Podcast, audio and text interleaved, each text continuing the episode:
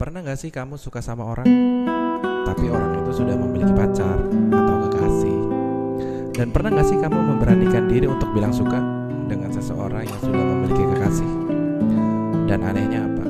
Ketika kamu sudah memberanikan diri untuk bilang suka, dia dengan mudah menjawab sama.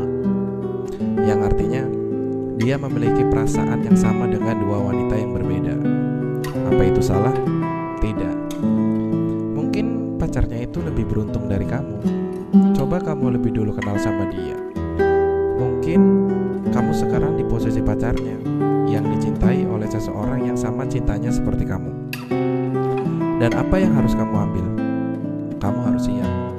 Kamu harus siap melihat dia bahagia dengan orang yang dia sayang lebih dulu dan kamu harus ikhlas dengan itu.